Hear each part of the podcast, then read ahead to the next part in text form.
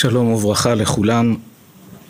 נמשיך בעזרת השם בלימוד המקרא, אנחנו בפרק ב' פסוק כ"א: ויפל השם אלוקים תרדמה על האדם וישן ויקח אחת מצלעותיו ויסגור בשר תחתנה.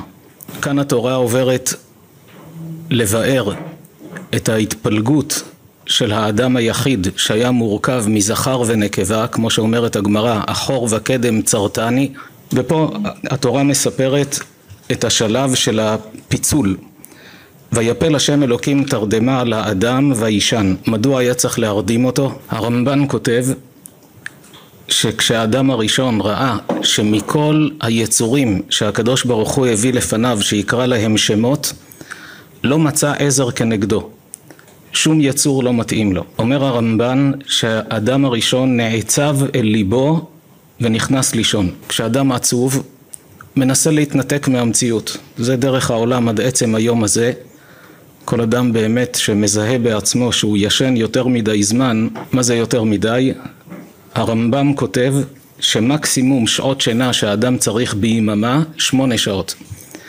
אדם שישן יותר משמונה שעות צריך לבדוק או שיש לו בעיה פיזית שחסרים לו חומרים בגוף ולכן הוא עייף ונרדם או שמבחינה נפשית לא טוב לו, הוא מחפש לברוח מהמציאות.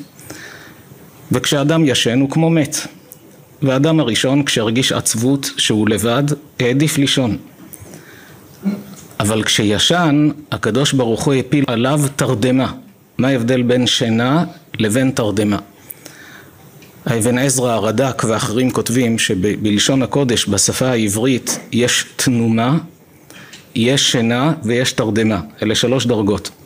תנומה זו שינה קלה. שינה זו שינה יותר עמוקה מאשר תנומה. אבל תרדמה זו כבר שינה עמוקה מאוד. אז אדם הראשון נכנס לישון מתוך העצבות שלו. אבל כשישן הקדוש ברוך הוא הפיל עליו תרדמה. למה? אומר הרמב"ן, כשעושים לאדם ניתוח אם הוא רק ישן, הוא יתעורר, צריך להרדים אותו. התרדמה היא הרבה יותר עמוקה, כדי שלא ירגיש כאב בזמן שהקדוש ברוך הוא חתך אותו והוציא ממנו את הצלע ועשה את חווה נפרדת ממנו. רש"י מסביר מזווית אחרת,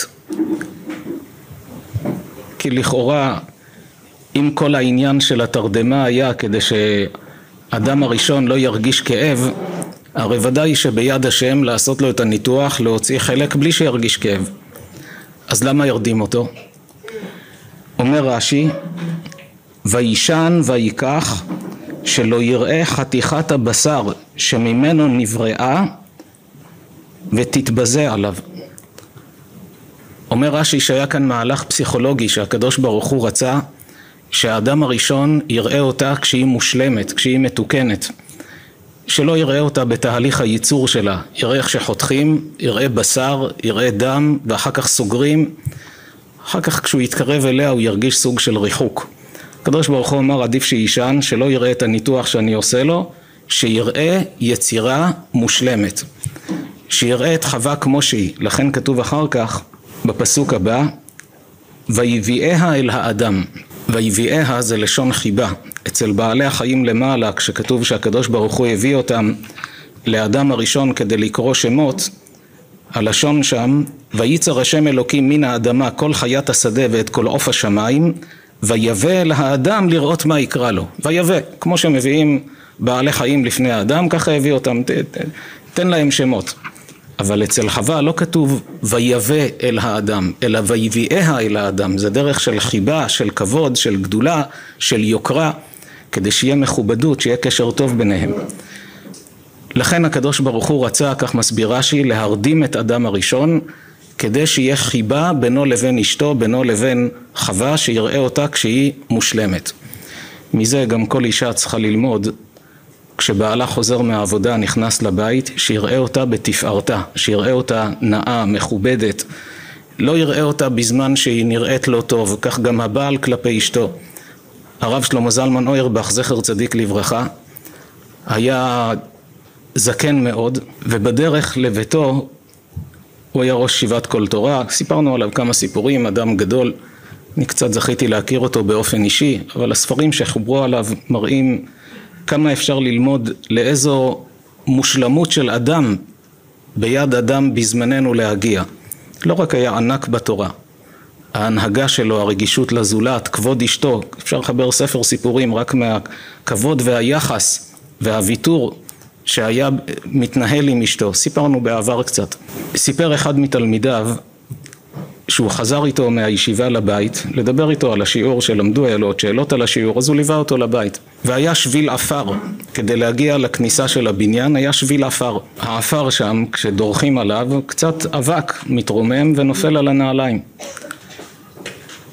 הוא ראה את הרב שכשהם עולים במדרגות ומגיעים ליד הדלת של הבית, הוא פותח את הדלת של הארון חשמל, מוציא מברשת שהוא הכין שם באופן קבוע, מבריש את הנעליים ואז הוא נכנס.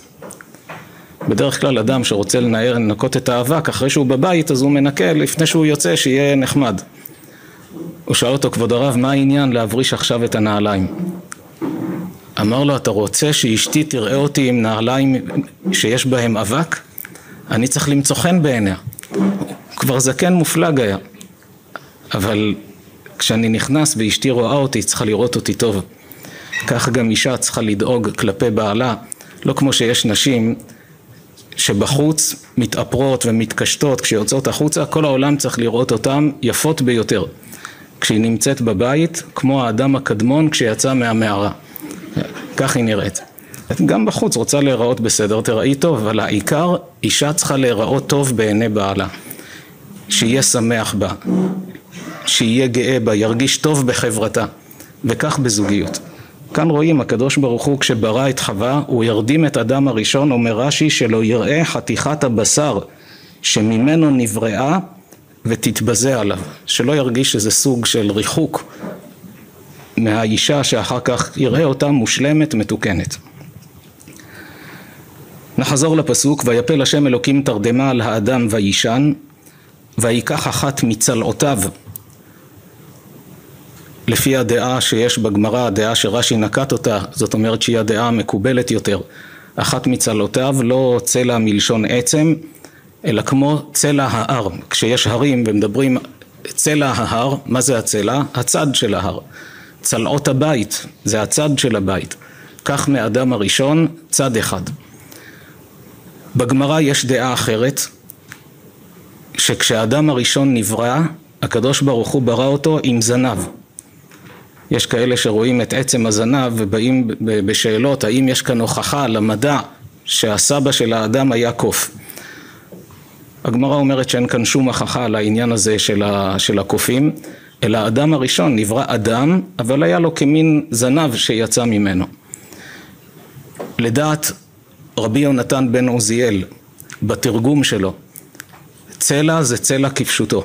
כלומר עצם, כמו שרגילים יותר לומר, אמנם זו דעה יחידה, אבל כך דעתו שצלע זה עצם, בתרגום שלו הוא כותב שלאדם הראשון בזמן הבריאה היו 13 צלעות, ואת הצלע השלוש עשרה ממנה הקדוש ברוך הוא עשה את אדם הראשון.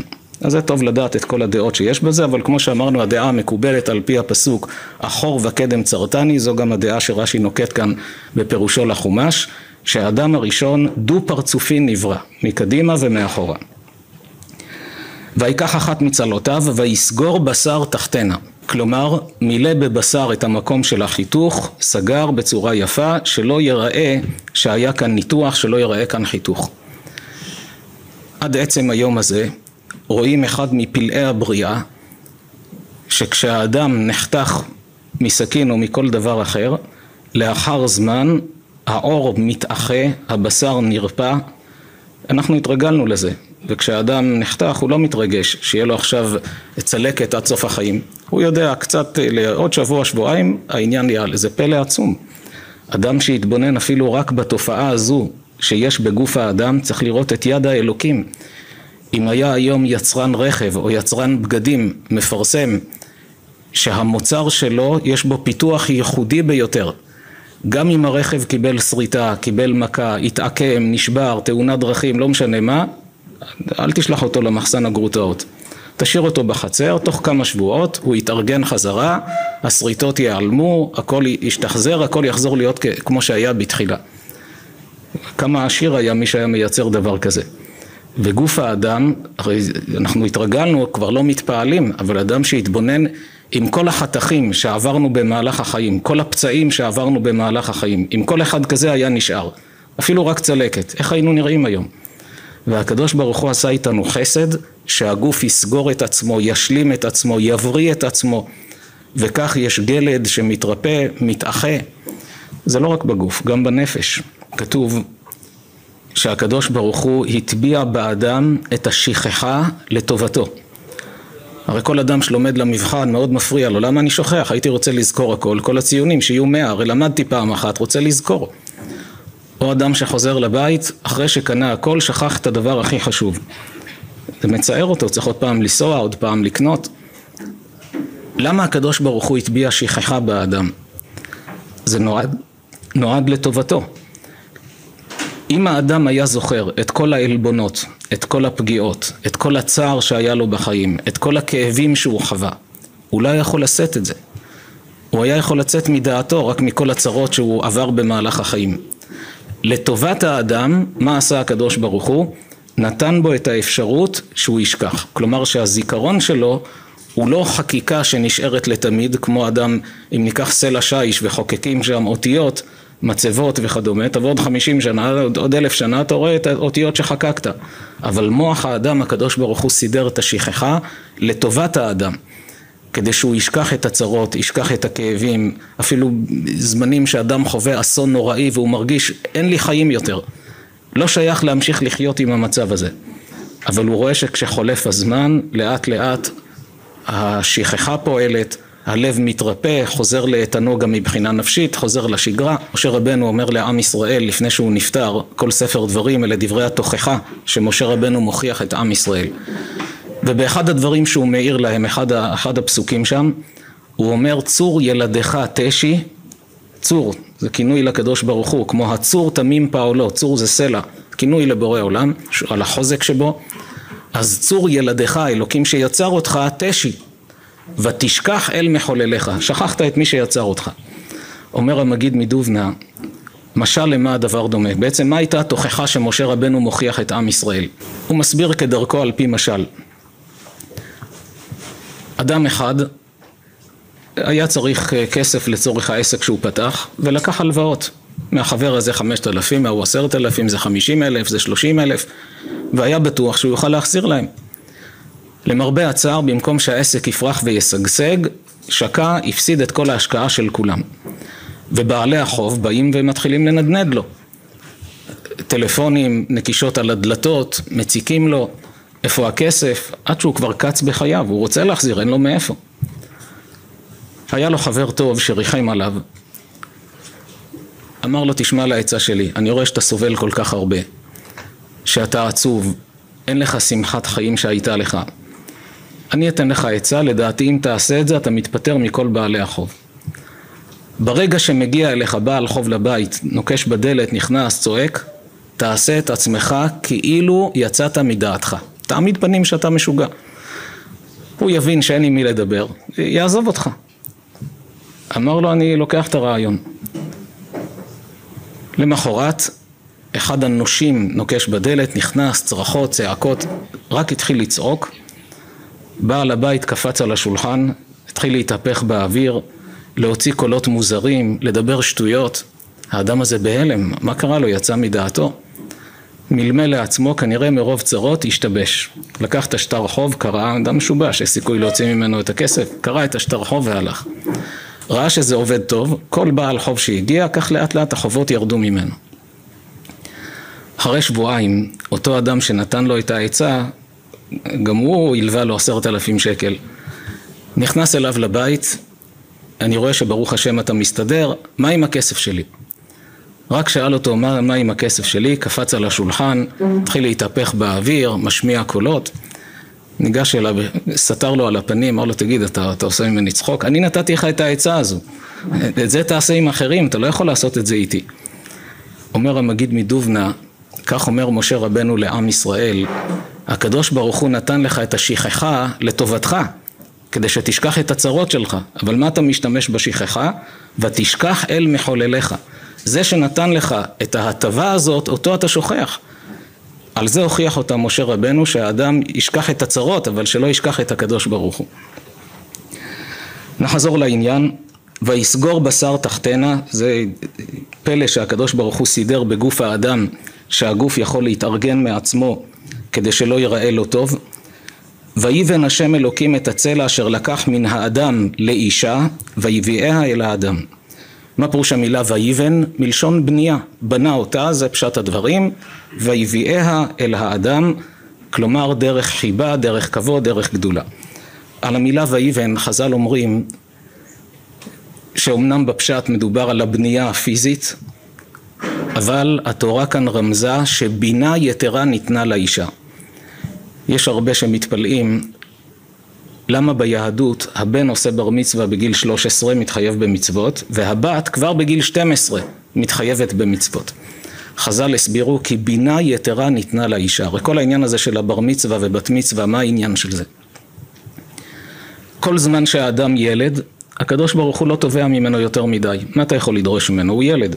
אתה יכול לדרוש ממנו להניח תפילין כל יום, לשמור שבת כהלכה, להיזהר בממון של הזולת, הוא עדיין ילד. אז בגיל הצעיר יש מצוות חינוך. מוטל עלינו ההורים והמחנכים לחנך את הילד, מה זה לחנך? כמו חנוכת הבית. להכניס אותו למסלול עד שהוא יגיע לשלמות. כשהוא יגיע לגיל בגרות, אז הוא יתחייב במצוות. לכן כל, לפני בר מצווה ובת מצווה, כל מה שמרגילים ילד לשמירת שבת, לאכילת כשר, להניח תפילין, תפילין זה רק סמוך לבר מצווה, קצת לפני. כל המטרה שכשהוא יגיע לגיל הזה, שהוא יהיה רגיל כבר בשמירת המצוות ולא הכל ינחת עליו בפתאומיות. בבן, עד גיל 13 אומר הקדוש ברוך הוא אתה עדיין ילד. הבת מגיעה לגיל 12, אומר לה הקדוש ברוך הוא עלייך כבר אפשר לסמוך. בגיל 12 הבת אומרים חז"ל בינה יתרה ניתנה לאישה. כלומר הבגרות השכלית שלה, האחריות שלה, המשמעת העצמית יש לה בגיל 12, מה שילד בן בגיל 12 הוא עדיין ילד. אם הוא נדר נדר, נשבע שבועה, זה לא תופס. אבל בת בגיל 12, כן תופס. כי יש לה יותר בגרות, יותר אחריות, ולא כמו שיש כאלה שחושבים שהתורה מתייחסת לאישה כאל סוג ב', כאל ירודה, כאל מזולזלת. אדרבה, לאישה נאמר, בינה יתרה ניתנה בה, היא נכנסת למצוות לבגרות, סומכים עליה שנה לפני הבן. מה פירוש המילה בינה? בעברית יש הבדל בין המילה בנייה לבין המילה בינה. בנייה היא פיזית, אבל כשהאות י' זזה אחורה, מתקרבת יותר לתחילת המילה, תמיד האות, כמה שהיא קרובה יותר לתחילת המילה, היא יותר דומיננטית, יותר פעילה במילה, יותר משמעותית. הבינה זוהי בנייה מחשבתית, בנייה רוחנית, בנייה שכלית. הבת יש לה תכונה שהיא מתבוננת בפרטים וקולטת מה שגברים לא רואים. גבר רואה תמונה כללית יותר. כך בדרך כלל, תמיד יש יוצא דופן לכאן ולשם, אבל טבעם של גברים שהוא רואה תמונה כללית. האישה מטבעה היא שמה לב לפרטים הקטנים שהוא לא שם לב. ערכו פעם מחקר אמרו לגברים ונשים מתנדבים שמבקשים שייכנסו למחקר אבל שהמתינו בחדר המתנה. אז הם המתינו שם והם לא ידעו שהחדר המתנה זה כבר המחקר. כשהכניסו אותם לאולם השני אמרו להם שהמחקר הסתיים. עכשיו כל אחד ירשום מה ראיתם בתמונות שהיו על הקירות בחדר ההמתנה. רצו לדעת האם שמים לב לפרטים התברר שגברים בקושי זכרו מה היה שם בתמונות, היו כאלה שלא שמו לב אפילו שיש תמונות. הנשים שמו לב לפרטים, ידעו לדווח את כל פרטי התמונות. האישה מטבעה, היא שמה לב יותר לפרטים. כך גם אומרים חז"ל, שגבר שמציעים לו פרויקט, שיתייעץ עם אשתו. הגמרא מספרת מסכת ברכות, שכשאמרו לרבי אליעזר שתפקיד הנשיאות התפנה ורוצים שהוא יהיה נשיא ישראל, אז את מי הוא ממנים לנשיא המדינה? הנשיא של עם ישראל היה גדול בתורה, לא היו לוקחים מכל הבא ליד. הוא אמור להנהיג את העם, זה היה מוסד הנשיאות, היו שושלת של הלל הזקן מזרע דוד המלך. התפנה המקום, הציעו לרבי אליעזר, הוא היה צעיר עדיין, שיקבל את התפקיד. אומרת הגמרא שאמר להם, אלך ואמלך באשתי. אני הולך להתייעץ איתה. איפה יש היום דבר כזה, יגידו לחבר כנסת, כולנו החלטנו שאתה תהיה נשיא המדינה, הוא אומר תמתינו, קודם כל אישור של אשתי. אבל הוא ידע, שווה להתייעץ. העלתה בפניו שתי נקודות, ברר אותם, ראה שהכל בסדר, ואז קיבל את הנשיאות. למה הוא שאל אותה? אתה מספיק חכם, אתה רב גדול, אנשים מתייעצים איתך, אבל הוא ידע, יכול להיות שאני רואה את התמונה הכללית ולא שם לב לפרטים. היא תשים לב לפרטים שאני לא רואה אותם, וכך היה. לכן אדם שרוצה לעשות עסק בשותפות, לקח שותף, רוצה לעשות איתו עסקה, הוא ישקיע כסף, ההוא יעבוד, עצה טובה, תזמין אותו לארוחת צהריים ותאמר לאשתך, כשאנחנו אוכלים ומדברים, את תפעילי את סריקת הרנטגן שלך, תגידי לי אחר כך מה את אומרת על הבן אדם הזה. האישה קולטת, היא יכולה לומר לו, תשמע, נראה לי שהאדם הזה נוכל. אמר, מה נוכל? עשרים פגישות עסקים, ישבתי איתו שעה כל פעם, לא ראיתי שום נוכלות. האישה יש לה איזה חוש, היא פתאום יכולה לקלוט שיש כאן משהו שאתה לא רואה. כך גם בשידוכים. בחור רוצה להתחתן עם מישהי, בחורה רוצה להתחתן עם מישהו. אם האימא טוענת שהיא מזהה משהו לא חלק שם, זה צריך להדליק כמה נורות אדומות. אני מדבר על משהו לא חלק בהתנהלות, בהתנהגות, בדרך ארץ. אני לא מדבר על עניין של יופי. אם היא אומרת לו זו בחורה טובה, אבל בחור יפה כמוך יכול להשיג יותר יפה. אתה הבן שלי, אתה דומה לי, אתה צריך למצוא אחת שהיא גם כן מיוחדת. זה לא צריך להתייחס ליופי, יופי זה עניין של טעם. אם אתה מרגיש שלטעמך היא נראית טוב, אז יכול להיות שהאף שלו מזכיר לאימא את האף של המורה לדקדוק או משהו ש... שהיא לא אהבה. לכן לא צריך להתייחס לדברים כאלה, אבל כשהיא מדברת על מידות, על אופי, על תכונות, והאימא אומרת אני רואה כאן בעיה, אתה עלול לסבול מהאישה הזו, את עלולה לסבול מהבחור הזה. כאן צריכים להדליק נורות אדומות ולראות לבחון יותר לעומק, יכול להיות שהיא טועה, אבל לבחון יותר לעומק, כי יש סיכוי גדול שהיא צודקת. בינה יתרה ניתנה לאישה, נרמז בעניין הזה, ויפן השם אלוקים את הצלע אשר לקח מן האדם לאישה, ויביאה אל האדם. פסוק הבא, ויאמר האדם זאת הפעם עצם מעצמי ובשר מבשרי. לזאת יקרא אישה, כי מאיש לוקו חזות. אדם הראשון מתעורר מהשינה, רואה את האישה עומדת לידו, כולו מתרגש ומתפעל, זאת הפעם עצם מעצמי ובשר מבשרי. מה זה זאת?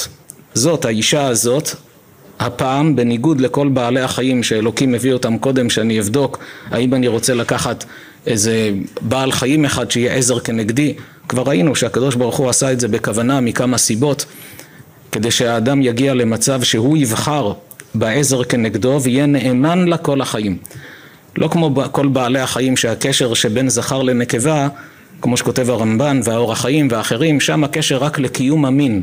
אז זה לא משנה שהשור פעם פוגש את הפרה הזו ופעם את הפרה האחרת, העיקר שיהיו תולדות. אבל באדם, הקדוש ברוך הוא רצה להעביר מסר של נאמנות. אתה קשור אליה, היא קשורה אליך, אתה נאמן לה, היא נאמנת לך. אדם שלא נאמן לאשתו דומה לבעלי חיים, צריך לדעת שהוא פחות אדם, יותר בעל חיים. אבל אדם שהוא מבין מה הגדולה של אדם, מה התפארת של אדם, שומר על נאמנות, וכאן האדם מתפעל, זאת הפעם, בניגוד לכל אלה שראיתי קודם, עצם מעצמיי, מעצמותיי, כמו מעצמות שלי, ובשר מבשרי, היא חלק ממני, לזאת יקרא אישה. כי מאיש לוקח הזאת. דיברנו באחד השיעורים הקודמים על המילה אש שמופיעה גם באיש וגם באישה כנגד ארבע היסודות, אז לא נחזור על הדברים. נאמר רק בקצרה שכנגד ארבע היסודות אש, רוח, מים ועפר יש דומם, צומח, חי, מדבר והמדבר מקביל לאש. לכן המילה אש מופיעה גם באיש וגם באישה. כי זו התכונה המרכזית, רק יש את האות י' כאן, את האות ה' כאן, איש ואישה שזכו שכינה ביניהם, לא זכו אש אוכלתם. אם זוכים להכניס את, ה, את הקדוש ברוך הוא לתוך הבית, הבית מתנהל על פי התורה, עם ויתור, עם הכבוד הדדי, עם שבת, עם אווירה של, של כל המצוות שיש בבית, אז שכינה שורה ביניהם, ואז כל הבית מתנהל ברמה אחרת. יש את הזמן איכות של השבת, שאין טלפונים ואין נסיעות, אלא הוא יושב עם אשתו, האישה יושבת עם בעלה, הגיבוש, הורים, ילדים, משפחה, הכל משודרג לרמה אחרת כי שכינה שורה ביניהם. אז אומר האדם לזאת יקרא אישה כי מאיש לוקו חזות. הזוהר הקדוש אומר על הפסוק הזה, לזאת יקרא אישה, שלא רק אדם הראשון, אלא כל בעל צריך להסתכל על אשתו ולומר, זוהי כבוד ותפארת ביתי. כל הנשים בפניה כקוף בפני אדם. כלומר, לזאת יקרא אישה. מבחינתי, זו האישה היחידה על פני כדור הארץ. יכלת להתחתן עם מישהי אחרת, אבל החלטת שאתה מתחתן עם האישה הזו, תגמור בדעתך שהיא המוצלחת ביותר עבורך. היא היפה ביותר, היא החכמה ביותר. ואתה אומר, רגע, אבל יש נשים אחרות יותר. כל אדם יש בו מעלות ויש בו חסרונות. באמת ניכנס קצת לעומק, למה לפני החתונה יש הרבה התלהבות, ומצוי שאחרי החתונה יש דעיכה. התשובה פשוטה. לפני החתונה, כששואלים גבר, למה התחתנת עם האישה הזו? הרי פגשת עוד אחרות והחלטת שאתה רוצה אותה. או ששואלים אותה, זה לא משנה. למה הבחירה דווקא באדם הזה? האם האישה שבחרת היא מושלמת? רוב הגברים יענו, היא לא מושלמת. אם אני אמתין למושלמת, אני לא אתחתן אף פעם. תמיד צריך להתפשר על משהו. אבל מתוך מאה נקודות נניח, מאה נושאים שחשוב לי לחיים, אצל כל הבנות היו ארבעים, חמישים, אצלה יש שבעים, יש שמונים. לכן בחרתי בה. מה קורה אחרי החתונה? בלי להרגיש, האדם עובר שינוי בתודעה שלו. כל השבעים שמונים מעלות שיש בה הופכות להיות אצלו מובנות מעליהם. כאילו כך צריך להיות, ודאי הוא שוכח שלא כולם כאלה. זה מובן מאליו. מה כעת תופס את התמונה? מה מתעצם בעיניו? ה-20-30 נקודות שאין אותן, ואולי עוד כמה נקודות שהוא חשב שהן חיוביות והתברר שלא. הוא חשב שהיא בסדר, התברר שהיא לא כמו שהוא היה רוצה. ואז זה תופס את כל המסך. וזו טעות גדולה שהיצר הרע משבש אנשים והורס להם את השלום בית. כמה כאלה שהתגרשו והתחתנו עם אחרות, מדברים בפירוש. שהשנייה היא לא כמו הראשונה. לראשונה היו הרבה מעלות שאין בה, רק אז לא ידעתי להעריך את זה. אותו הדבר הפוך. היא פתאום אחרי שהתגרשה והתחתנה עם מישהו אחר, היא אומרת נכון שיש לו את המעלות האלה, אבל כנגד זה בראשון היו הרבה מעלות שאין בו. רק עכשיו מה אני יכולה לעשות? זהו, כבר נשואה למישהו אחר. אדם חכם, גם כשיש מתחים, גם כשלא הכל מושלם, צריך למקד את המבט בשפע הטוב שיש. וזה נכון לא רק בזוגיות, גם בשמחת חיים של אדם. היצר הרע דרכו להכניס את האדם לעצבות על ידי שהוא ממקד את המבט שלו במעט שאין ומשכיח ממנו את כל שפע הטוב שיש לו ואז האדם נהיה עצוב. נתאר לעצמנו אדם שתכנן כבר כמה שבועות לנסוע לחנות רחוקה כי רק שם הוא יכול להשיג את איזה מוצר שהוא צריך לקנות והוא דוחה ודוחה כי יש לו עבודות ויש לו עניינים ויש לו בסופו של דבר הוא מחליט אני חייב את זה, פותח את היומן, רושם ביום הזה אני מפנה זמן לנסוע לשם. הגיע אותו היום, הוא שמח, כמה חיכיתי ליום הזה. נוסע כמה שעות כדי להגיע לאותה חנות נדירה, כשמגיע לשם חשכו עיניו, יש פתק על הדלת, לרגל שמחה משפחתית, החנות היום סגורה. הוא חוזר הביתה עצוב, כעוס, עצבני, מסכן הילד שיפגוש אותו בכניסה, הוא כולו בוער בתוכו, כל דבר קטן עכשיו מכעיס אותו. ועד הערב הוא עצוב, והוא בטוח שהוא עצוב בצדק. כל כך חיכיתי, והיה סגור, עד שהגעתי, מתי אני אחזור שוב. הוא מצדיק את עצמו למה הוא עצוב ולמה הוא כעוס. אבל אם באותה שעה היה לוקח דף ועט, ורושם כותרת, מה אני צריך שיהיה לי היום בחיים? וירשום, עיניים לראות, יש כאלה שלא רואים, רגליים ללכת, אוכל לאכול, ילדים, משפחה, בית, תרשום, וגם תרשום שהחנות תהיה פתוחה, גם את זה אתה צריך, תרשום גם את זה. עכשיו תסמן V ליד מה שיש ו-X ליד מה שאין, תסתכל מחדש, האם יש לך סיבה להיות עצוב. פתאום יגלה כמה הוא צריך להיות מאושר ושמח, כמה שפע של טוב יש לו. מה עושה היצר הרע? ממקד את המבט במעט שאין ומכניס את האדם לעצבות שהיא לא נכונה. זה, זה שקר העצבות הזאת. זה כמו שנתאר לעצמנו אדם שרואה ציור קיר ענק, יש שם גן חיות, נופים, מרחבים, כל מי שעובר מתפעל. ויש שם בצד איזה קילוף קצת שהתקלף ורואים שם נקודה שחורה. הוא מצלצל לחבר שלו, יש פה תמונה מדהימה, אני מצלם ומראה לך. אם הוא יצלם את כל התמונה, החבר יראה תמונה מדהימה, אבל אם הוא יעמיד את העדשה של המצלמה ליד הנקודה השחורה וישלח לו, מה הוא יראה שם? הוא יראה נקודה שחורה, ממה אתה מתפעל, הכל שחור. מה הטעות? הצמדת לנקודה השחורה, תתפרס על הכל, תקבל תמונה מלאה. אבל היצר מכניס את האדם לעצבות על ידי שהוא נועל אותו בצורה כזו. כך גם בזוגיות, במקום שהאדם תמיד יתפעל, נכון, אז אשתי לא מושלמת, בעלי לא מושלם, אבל יש כל כך הרבה מעלות, כל כך הרבה דברים טובים, למה להפוך אותם למובנים מעליהם? אז המעט שאין, נתמודד, או שננסה להסביר ולשכנע שילכו לקראתי, או שנשלים עם זה, לפעמים צריך להשלים. בני זוג שרואים שנים, אתה מנסה לשנות את אשתך באלף, בית, גימל, והיא לא משתנה, את מנסה לשנות את בעלך, אחד הפתרונות זה להשלים עם זה. במקום לנסות לשנות ולשנות, אתה רואה שאין סיכוי. משלימים. את זה כבר הזכרנו פעם, שלמדנו את זה מרבי חייא. הגמרא מספרת על רבי חייא שהייתה לו אישה קשה, עד כדי שתלמידיו לא הבינו למה הוא לא מתגרש. וחז"ל אומרים שבכל זאת, כשהיה רואה מוצר יפה בשוק, היה יודע שהיא אוהבת, היה קונה ואורז, אורז יפה, חז"ל הדגישו את זה שהוא היה אורז, כי הוא היה מביא לה לא רק לצאת ידי חובה, באמת מכל הלב, רוצה שהיא תהיה מאושרת. אדם שמביא מתנה רק כדי שהשני ישתוק, זורק לו את זה. אבל כשהוא רוצה לתת לו את זה מכל הלב, לשמח אותו, אז הוא אורז את זה יפה, מגיש יפה, וכך היה עושה.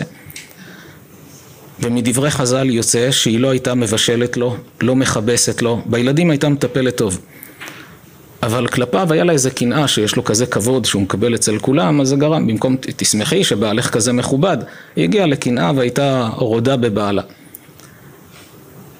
כששאלו אותו תלמידיו למה הוא לא מתגרש, איך אפשר להמשיך לחיות? אמר להם את המילים הבאות, דיינו שמגדלות בנינו ומצילות אותנו מן החטא. במילים אחרות הוא אמר כך: לפני החתונה היו לי הרבה חלומות.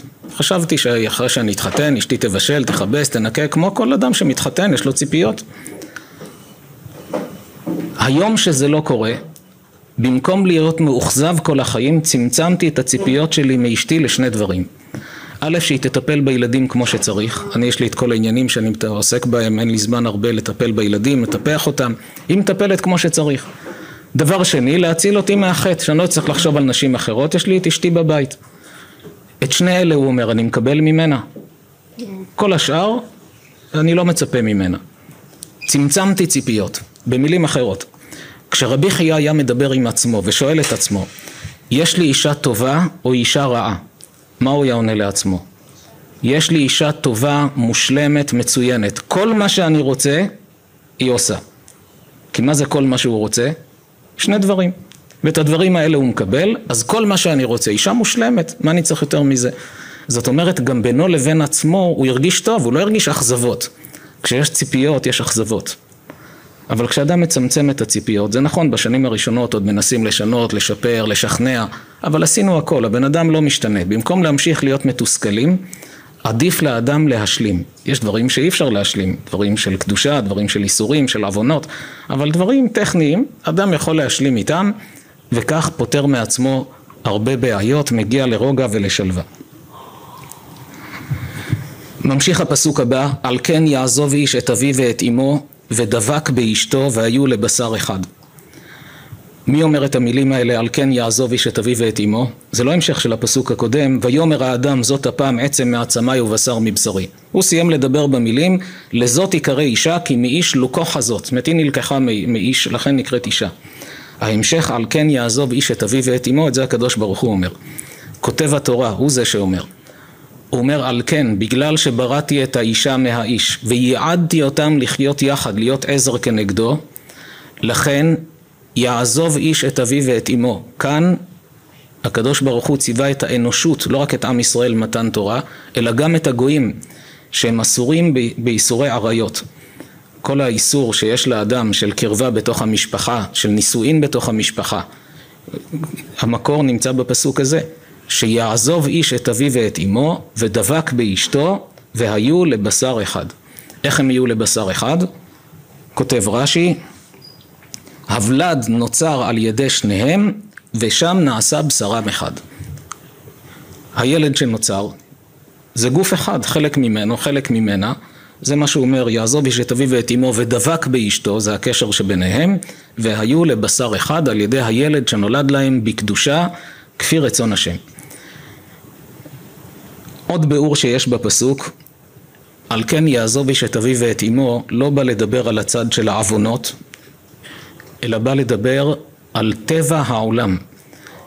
איך ייתכן שאדם שההורים גידלו אותו כל כך הרבה, והוא קשור אליהם ואוהב אותם, מגיע גיל שהוא עוזב את הבית, נושא אישה והולך לגור איתה. ולפעמים ההורים מרגישים חסר, בפרט הורים שיש להם רק בן אחד. יש להם בן יחיד. והבן הזה מתחתן ויוצא מהבית, פתאום מרגישים כזה חלל שנהיה בבית. אבל אומר הקדוש ברוך הוא, זה טבע הבריאה שהטבעתי, שיעזוב איש את אביו ואת אמו ודבק באשתו והיו לבשר אחד, כי זה רצוני שככה העולם מתנהל. מהפסוק הזה זוגות צעירים צריכים לקבל הדרכה חשובה מאוד בשלום בית. יש המון זוגות שהבעל הוא בחור טוב, תחתנו עכשיו, חודש, חודשיים, חצי שנה. הוא אדם עם לב טוב, היא אישה, בחורה טובה, עם לב טוב. והריבים שביניהם הם רק בגלל שהם לא יודעים איך להתייחס להורים. זה דבר שגורם לקצר גדול בינו לבינה, רק בגלל התקשורת עם ההורים. יש מצבים שההורים אשמים, יש מצבים שההורים לא אשמים, שהבן אשם, או שהיא אשמה. בדרך כלל המצוי ביותר שגורם למתחים בין בני זוג במה שקשור לה, להורים, שהבן שכח שהוא התחתן. הוא מתחתן, הוא נשוי, אבל הוא עדיין חושב שהוא נמצא אצל ההורים. ואז האישה מרגישה מאוד פגועה. הוא קשור להורים שלו שהוא התחתן איתי. והמצב הזה מכניס למתחים. בפרט, אישה שמתלוננת בפני בעלה על התקשורת בינה לבין ההורים שלו, ובפרט עם אמו, עם חמותה. כלה וחמותה, הרי זה לא התחיל היום. יש אמנם כלות וחמות שהשכילו להיות כמו שתי חברות טובות, כמו אחיות, כמו אימא ובת, אוהבות אחת את השנייה, משוחחות יחד, יוצאות יחד ושמחות ביחד. יש כאלה שמאוד הצליחו בזה. ויש כאלה שממש הגיעו לקצרים, לסכסוכים, ומסכן הבן הזה שהוא קרוע בין אמו לבין אשתו, ממש בין הפטיש לבין הסדן, שהוא לא יודע מה לעשות. אבל אם שלושתם יתנהלו בצורה נכונה, נעבור ככה במהירות, בסקירה, בפרק המדריך המלא, בספר המדריך המלא לנישואין מאושרים, הקדשנו פרק שלם לקשר הזה של הכלה והחמותה והבן שנמצא ביניהם, איך כל צד צריך להתנהג. פה נאמר את התמצית של הדברים. בדרך כלל מה שקורה, אם בעל חוזר מהעבודה חודש, חודשיים, שבועיים, לא משנה, אחרי העבודה, נכנס לבית והוא רואה את אשתו עצובה, על סף דמעות. מה קרה? לא מרגישה טוב? אימא שלך התקשרה. ומה היא אמרה? ואז היא אומרת איזה כמה מילים שהאימא אמרה שהיא מאוד נפגעה, או בצדק או שלא בצדק. למשל היא אומרת לו, היא שאלה מה הכנתי לארוחת צהריים. מה היא חושבת שאני לא דואגת לך? היא לוקחת את זה מאוד קשה. היא שואלת מה בישלת, אז היא מבינה שהיא לא סומכת עליי. במצב כזה הבעלים בדרך כלל נכנסים ללחץ. כי הוא מאוד רוצה שיהיה שלום בין אמו לבין אשתו, הוא אוהב את שתיהן. אלה שני סוגים של אהבות, יש סוג של אהבת בן לאם ויש סוג של בעל לאישה, אלה שני סוגים של אהבות, וזה לא בא אחד על חשבון השני. אבל הוא רואה שמתחיל מתח, הוא נדרך, ואז רוב הגברים עושים את הטעות הגדולה, שהם מנסים, בשביל לעשות שלום, הוא מנסה להיות העורך דין של אמו. למה את נפגעת? היא בסך הכל התעניינה, היא לא התכוונה להתערב, היא רק שאלה למה את עושה מזה עניין, זו טעות גדולה. כי ברגע שאתה מראה לאשתך שאתה לא מבין אותה, אתה מרחיק אותה לכיוון ההפוך, הופך אותה להיות אנטי האימא. כשהיא מתחילה להתלונן, תגלה אהבה. יש פה הרבה צעירים, חלק לפני חתונה, חלק אחרי חתונה, צריכים לקחת את היסוד הזה לעצמנו לחיים. תגלה אהבה ותגלה הבנה. תראה לה שאתה קשור אליה. ולפעמים אפילו שווה להעצים את הקושי שהיא מעלה. היא העלתה דבר קטן, שלדעתך זה שטות, מה היא עושה מזה עניין? אבל אתה רואה שהיא נעלבה, היא על סף דמעות. תגיד לה מה כך היא אמרה לך, שנתיים לא הולכים לבקר אותה. איך אשתך תגיב? פתאום תראה שהדמעות נעלמו, שמחת חיים, לא, מה אתה מגזים, היא אישה מבוגרת, אז היא אמרה, היא לא התכוונה. עכשיו, היא הופכת להיות העורך דין של האימא. מה קרה? היא רוצה את, את התמיכה שלך, היא רוצה לדעת שאתה איתה. אבל רוב הגברים עושים את הטעות, מנסים להראות לה ש, שהיא לא צודקת והאימא כן לא התכוונה או כן התכוונה. תראה לי שאתה איתי. צריך לזכור שאחרי החתונה האישה נמצאת במתח כלפי הבעל עד כמה הוא קשור אליי. גם לגבר זה חשוב, אבל לאישה זה חשוב פי אלף יותר.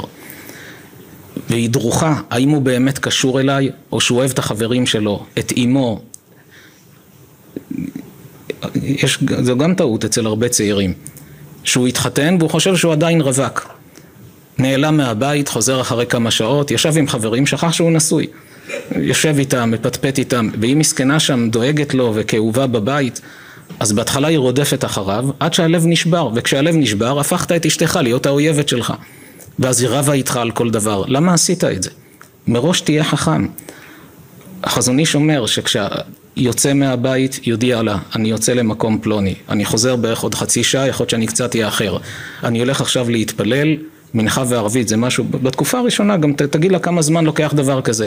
אם אתה עלול להתעכב, או שהתעכבת, לא תכננת, תרים טלפון, אני מתעכב.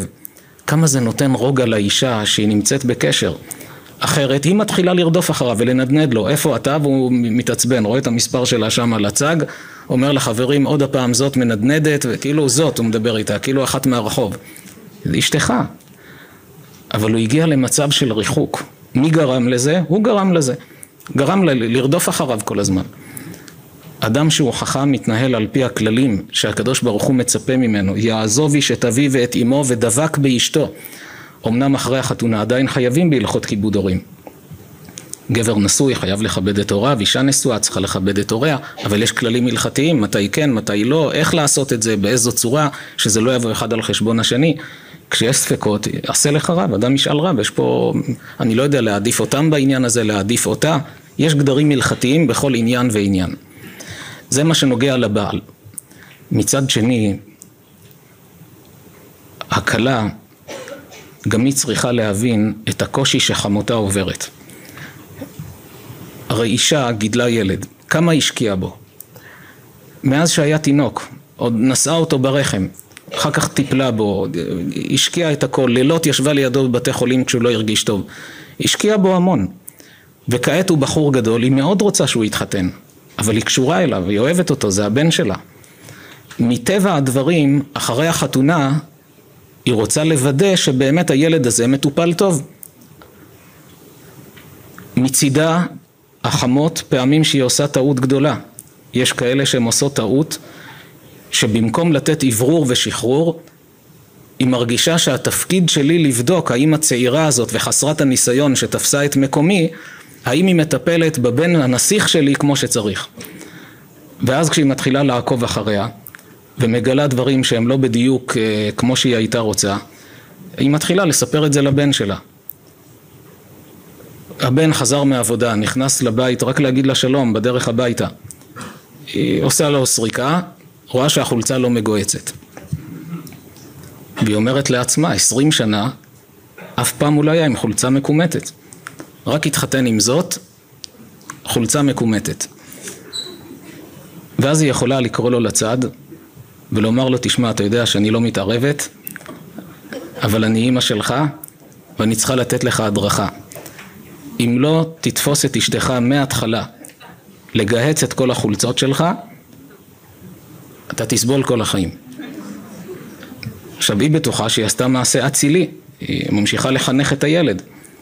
אבל כשהוא חוזר הביתה ואשתו לא מבינה מה קרה שהוא חזר, יצא בבוקר שמח וכעת הוא מאוכזב, מה יעשה באמת בחור שהאימא אחרי החתונה אומרת לו משפט כזה?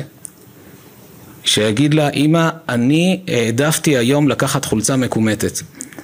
היא רצתה לגהץ ואני מיהרתי ולקחתי, תמצא תירוצים, אבל תיקח את הכל עליך, שלא יהיה מתח ביניהם. יותר מזה, גבר חכם צריך לקשר בין אשתו לבין אמו על ידי תרגילים. למשל, חזר מהעבודה, נכנס לבית של האימא, שלום אימא, מה נשמע, מה שלומך? שבוע, שבועיים אחרי החתונה. ואז הוא שואל אותה, תגידי אימא, את באמת התפללת עליי שאני אזכה לאישה טובה? אמרת לו, ודאי, עשרים שנה כל הדלקת נרות, אתה היית הנושא. הוא אומר לה, עכשיו אני מבין בזכות מי קיבלתי אישה נפלאה כזו, זה רק בזכותך. עכשיו האימא חייבת להצדיק שהוא קיבל אישה טובה. אז היא אומרת לו, באמת זכית לאישה טובה, אישה נפלאה, שמתי לב איך היא דואגת לך.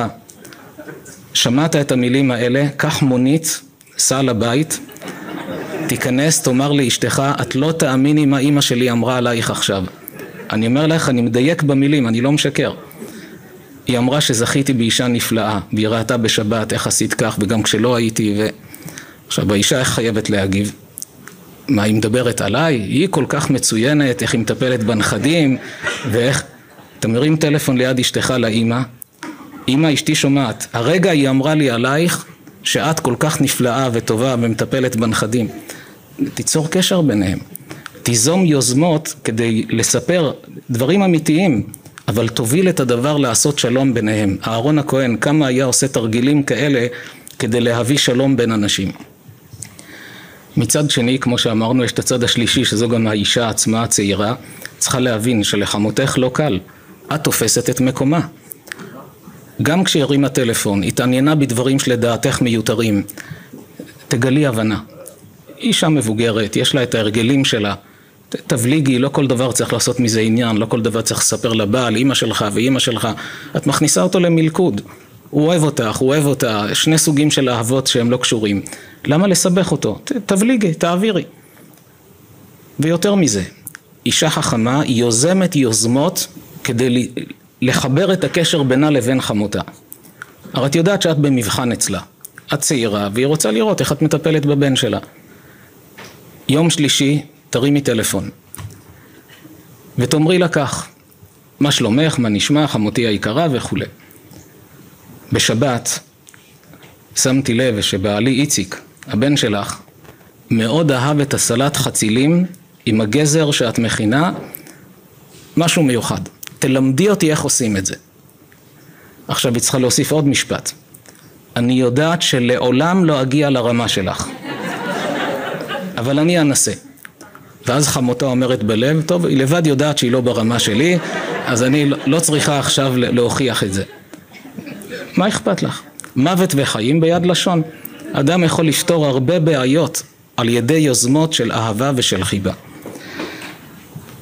נחזור שוב על הפסוק, על כן יעזוב איש את אביו ואת אמו ודבק באשתו והיו לבשר אחד, כך מגיעים לשלום בית אמיתי, לחיים טובים ומאושרים.